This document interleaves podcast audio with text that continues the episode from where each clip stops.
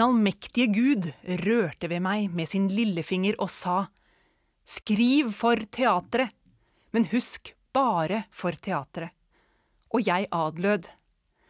Dette skrev Giacomo Puccini til en venn rett før han døde.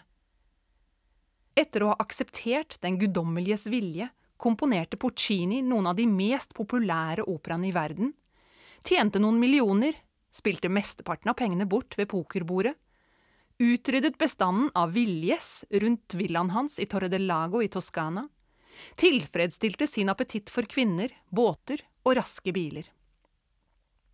Allerede før kongen av Italia fikk sin egen bil, hadde Puccini skaffet seg sin første.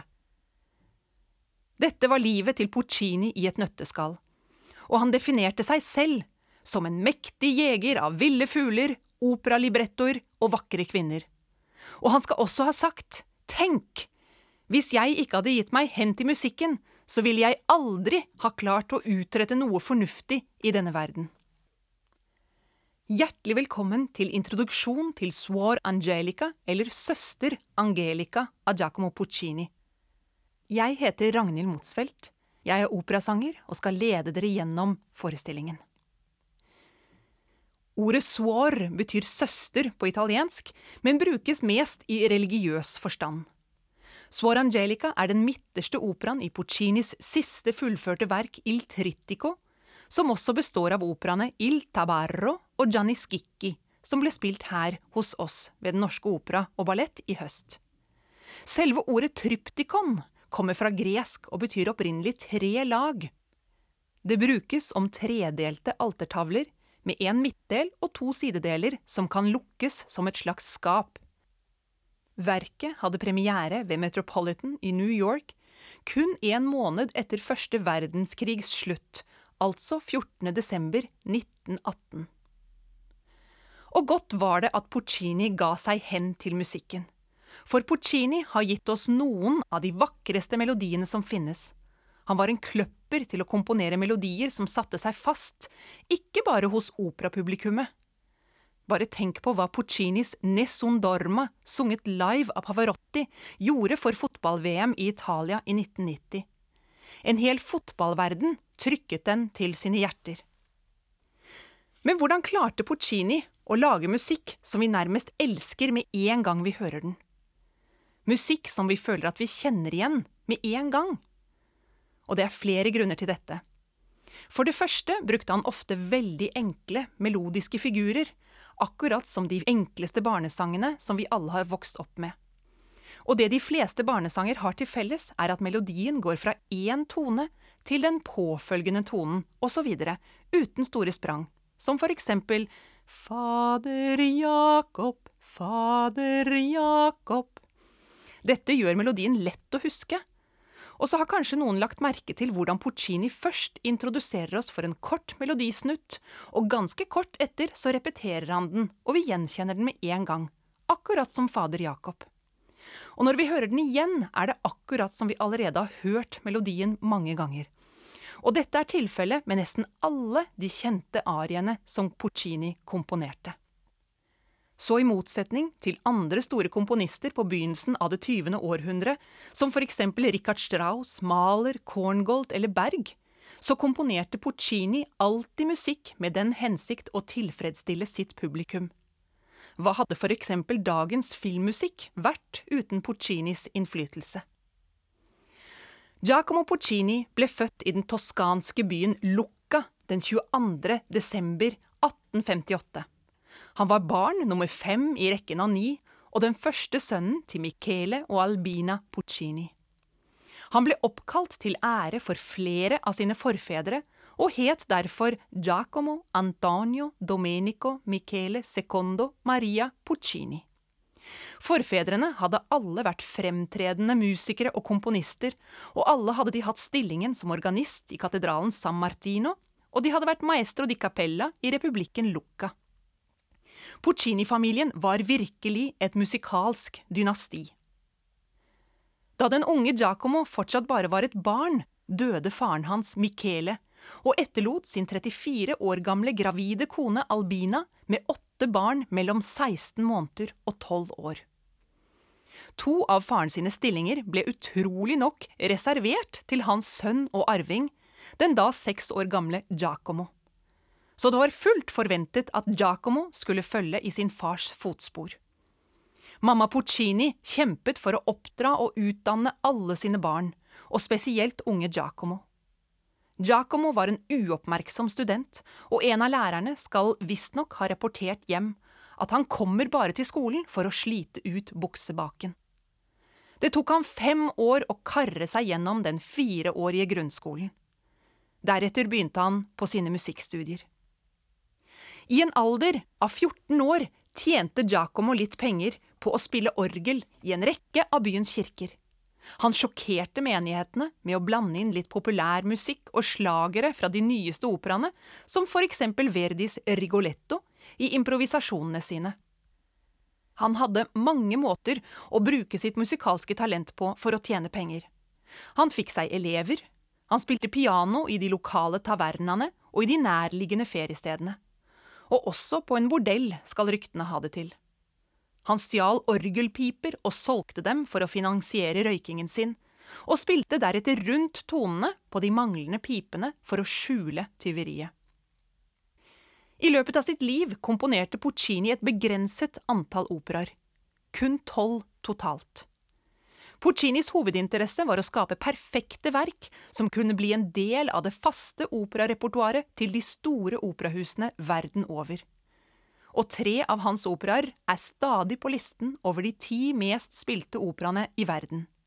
La Bohème, Tosca og Madama Butterfly. Det kan være vanskelig å forestille seg hvordan den toskanske maestroen, med en forkjærlighet for flotte biler, sigarer og pene damer, kunne skrive et spirituelt verk som Swar Angelica. Men Puccini kom som nevnt fra et dynasti av organister, og han hadde vokst opp med å synge kirkekor, og han hadde spilt til uendelig mange gudstjenester. Puccini var ikke en svært ivrig katolikk, men han hadde nok en sterk kristen ånd. Han hadde også et nært forhold til sin søster Igenia, som ledet et kloster utenfor Lucca, og han hadde flere gode venner som var prester. Etter å ha fullført Il Tabarro, den første operaen i Il Tritico, søkte Puccini etter en kontrast til denne mørke og melodramatiske historien. Til tekstforfatteren skrev han at han ønsket en opphøyet tekst, noe som ville få ham til å skrive musikk med vinger og noen måneder senere kom Giovacchino Forzano med en skisse av et drama satt i et nonnekloster, og derfor kun for damestemmer, hvilket er helt spesielt for denne operaen. Puccini så umiddelbart hvilken effektiv kontrast dette kunne være til Il Tabarro. Dette er den eneste teksten til Puccinis operaer som ikke direkte bygger på et allerede eksisterende teaterstykke eller lignende men flere påpeker at Forzano nok har latt seg inspirere av middelalderlegenden Genoveva av Brabant, der Genoveva, uskyldigheten selv, ble beskyldt for utroskap og måtte leve seks år i skogen. Der fødte hun en sønn og livnærte seg på en hjort, før et mirakel inntraff og hun ble frifunnet fra anklagen. Suor Angelica var uten tvil Puccinis egen favoritt blant de tre enakterne og han skal visstnok ha sagt at han gladelig hadde byttet ut hele Gianni Schicchi mot én tone fra Suor Angelica. Akkurat som i Il Tabarro var Puccini også i Suor Angelica inspirert av Debussy. Noe av det viktigste Debussy innførte, var parallelle akkorder, en rekke like eller nesten like akkorder etter hverandre og med parallell bevegelse i alle stemmer. Fra gammelt av var dette forbudt i den musikalske grammatikken. De gir en noe orientalsk følelse, men også en drømmende, hypnotisk og bølgende lyd. Typisk for modernistene var også melodier som besto av nokså korte motiver, som deretter sattes sammen i en slags mosaikk. Her skal dere få høre begynnelsen av operaen, spilt av en av våre akkompagnatører.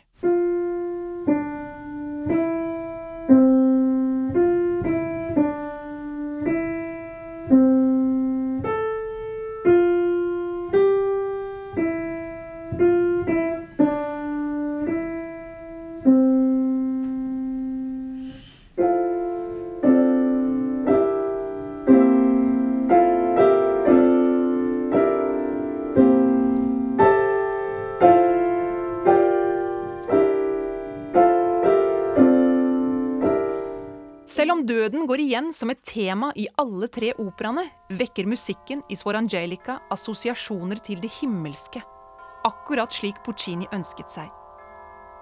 Operaen åpner med klokker som klinger i det fjerne, og fuglesang beskrevet av pikkolofløyter som skaper en stemning av mystikk og forventning. Her får dere høre samme eksempel, men spilt av orkesteret.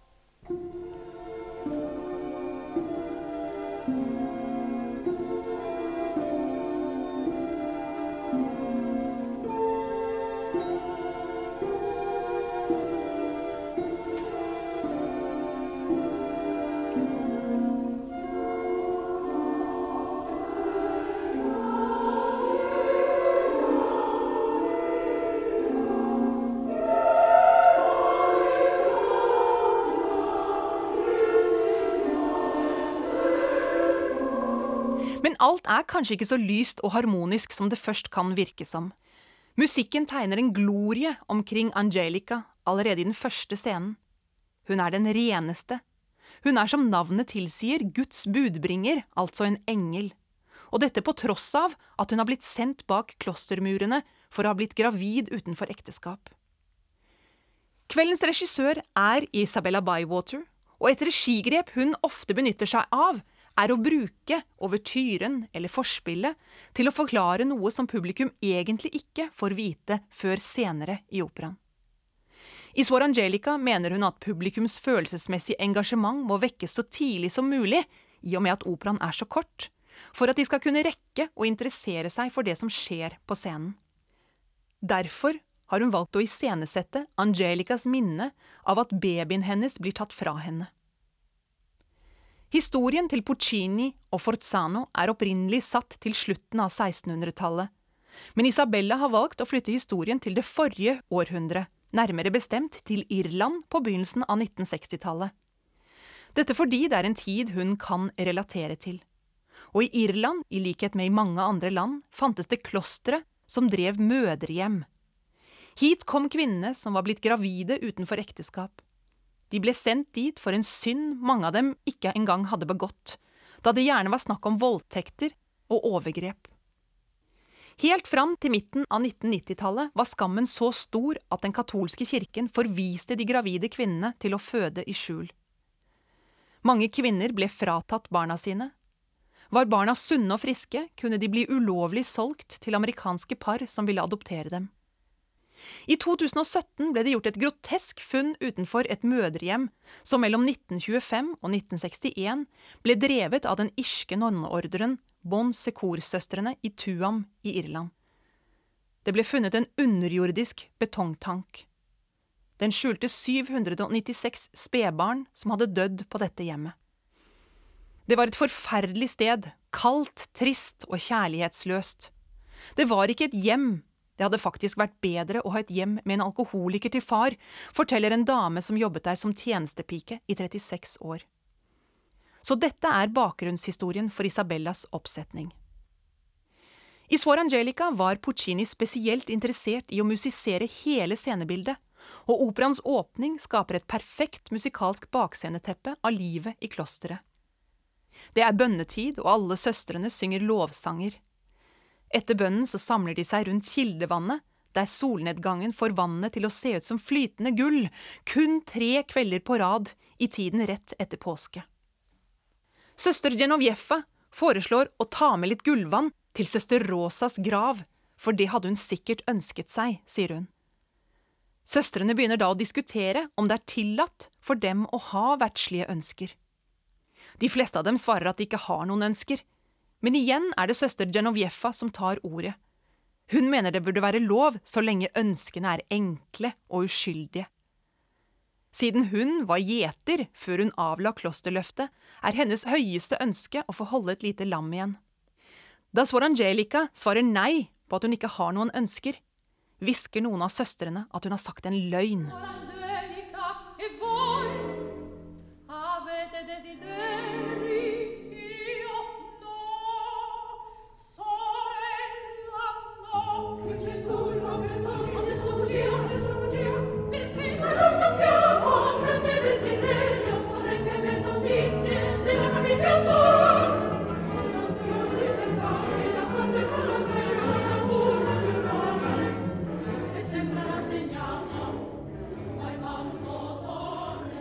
Vet nemlig at hun har et høyt ønske om å få høre fra familien sin, som hun ikke har hørt fra på over syv år, fra da hun ankom klosteret. Noen av søstrene trekker seg unna og fortsetter å snakke om at før Angelica gikk i kloster, var hun visst veldig rik og kom fra en svært fin familie. Hun var til og med adelig, er det noen som sier.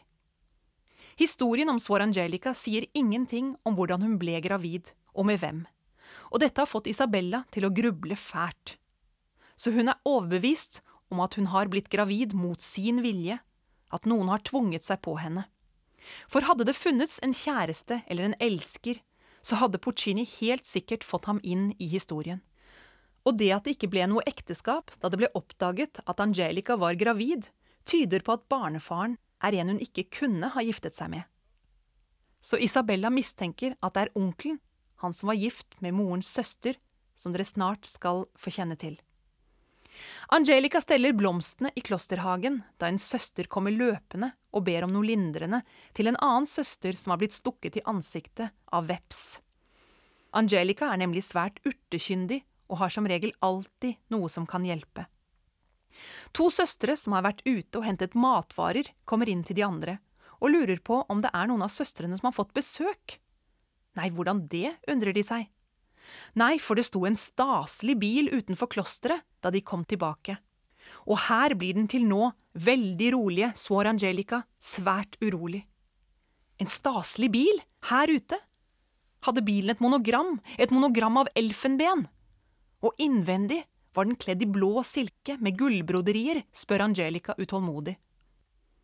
Nei, det vet jeg ikke, svarer søsteren, jeg vet bare at det var en flott bil og i det samme så ringer klokken som annonserer at noen har fått besøk, og nysgjerrige søstre strømmer til. Angelica ber til Gud om at det må være til henne.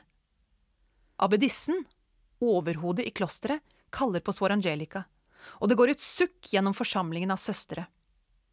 Vær så snill og fortell meg hvem det er, ber Angelica. I over syv år har jeg ventet.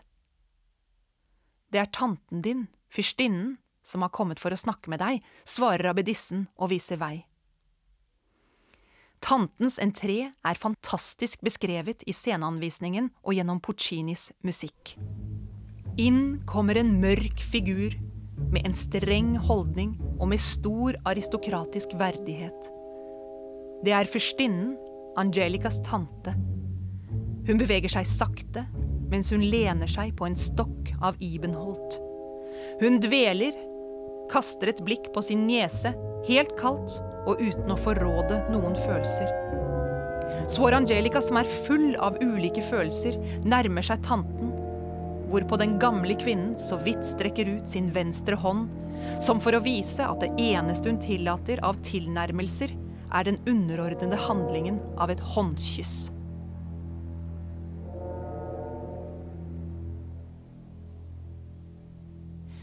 Hvis Puccini ønsket å vise fram en gretten, sur og from gammel dame, så har han virkelig lykkes med fyrstinnen. Gjennom tantens innledning får vi vite at Angelicas foreldre døde da hun og søsteren var svært små, og at tanten ble betrodd barna og hele familiearven. Arven kunne hun dele opp når og hvordan hun ville. Grunnen til at hun har kommet, er nemlig for å få Suor Angelica til å fraskrive seg arven slik at søsteren, Anna Viala, kan få arven i medgift. Svår Angelica blir helt øm av å tenke på at hennes lillesøster skal gifte seg, og spør hvem den heldige er. En som ut av kjærlighet har klart å benåde det du gjorde, som for evig satte flekker på vårt familienavn, svarer tanten. Her mister Svår Angelica besinnelsen. Nå synes jeg du er hjerteløs, sier Angelica. Alt har jeg ofret til jomfru Maria. Men jeg kan ikke ofre det å glemme sønnen min, den lille skapningen som ble tatt fra meg, som jeg bare fikk se og kysse én eneste gang. Det er dette jeg har bedt om i over syv år. Fortell meg om han. Hvordan er sønnen min? Hvor vakker er han ikke? Og hvilken farge er øynene hans? Det blir helt stille. Hvorfor sier du ingenting? spør Angelica. For to år siden ble han fryktelig syk, forteller tanten til slutt. Alt ble gjort for å redde ham, Er han død? skriker Suor Angelica og faller ned på kne. Verden raser sammen rundt henne. Tanten påkaller abbedissen og ber henne om skrivesaker. Angelica skriver under på arvedokumentet, og tanten forlater klosteret. Uten mamma døde du, lille gutten min. Leppene dine ble kalde uten mine kyss. Du døde uten å vite hvor mye mammaen din elsket deg. Synger Swar Angelica i operaens mest kjente arie, Senza mamma, uten mamma.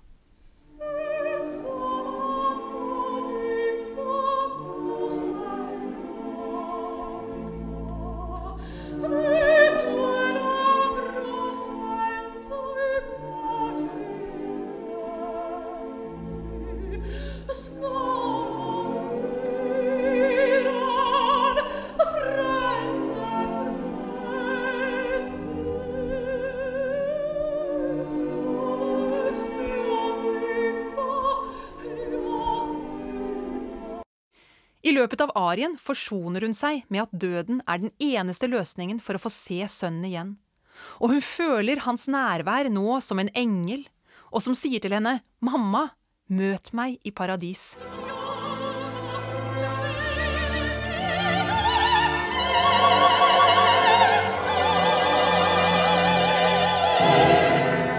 Når alle har lagt seg for kvelden, sniker Angelica seg ut og plukker sammen de giftigste urtene hun finner blant annet giftkjeks, og koker opp en giftdrikk som hun drikker. Hun vil dø så fort som mulig for å kunne se sønnen sin igjen. Men så går det opp for henne at hun har gjort noe fryktelig galt.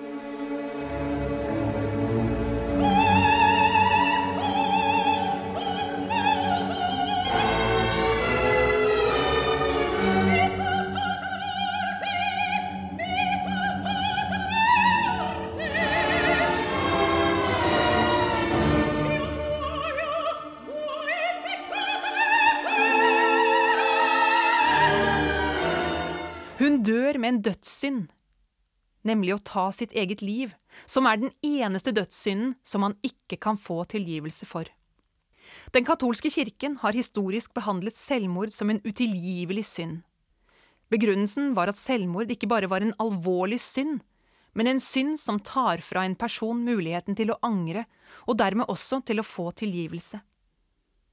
De som hadde begått selvmord, ble heller ikke begravet på kirkegården, men utenfor. Dette er heldigvis ikke lenger tilfellet. I dag både begraver og ber kirken for selvmordsofre. Suor Angelica ber febrilsk til jomfru Maria om at hun må redde henne. Av kjærlighet til min sønn så har jeg gått fra forstanden. La meg ikke dø i fortapelse. Gi meg et tegn på din nåde, synger hun. Og plutselig så tror Angelica at det skjer et mirakel. Hun får en visjon av jomfru Maria som i denne produksjonen er adoptivmoren, som åpenbarer seg med et lite barn kledd i hvitt. Angelica dør i troen om å ha fått tilgivelse.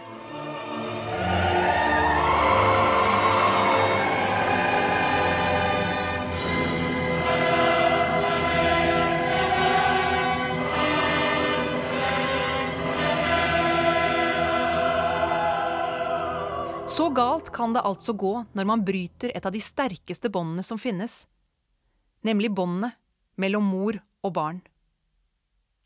Det finnes heldigvis også tilsvarende historier med en lykkelig slutt.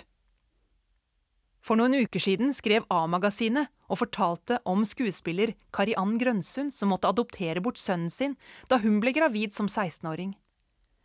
Hun tenkte på sønnen hver dag, og plutselig en dag så jobbet hun sammen med en ung mann og fant helt tilfeldig ut at det var hennes sønn. I løpet av en kort time vil dere få oppleve hvordan opera kan røre ved de dypeste følelsene vi mennesker har. Og kanskje vil dere oppleve kamamota. Kamamota er sanskrit og betyr rørt av kjærlighet. Kamamota-følelsen gjenkjennes av en plutselig opplevelse av fellesskap, kjærlighet og tilhørighet. Dette kan dere lese mer om i programmet eller på våre nettsider. I denne produksjonen er det vår fantastiske sopran Nina Gravrock som synger rollen som Angelica. Da vi ikke har noe lydopptak av Nina, har jeg valgt å bruke opptak av den italienske supersopranen Renata Scotto, som jeg synes minner veldig om Nina. Og da gjenstår det bare for meg å be dere om å huske lommetørkleet. God fornøyelse.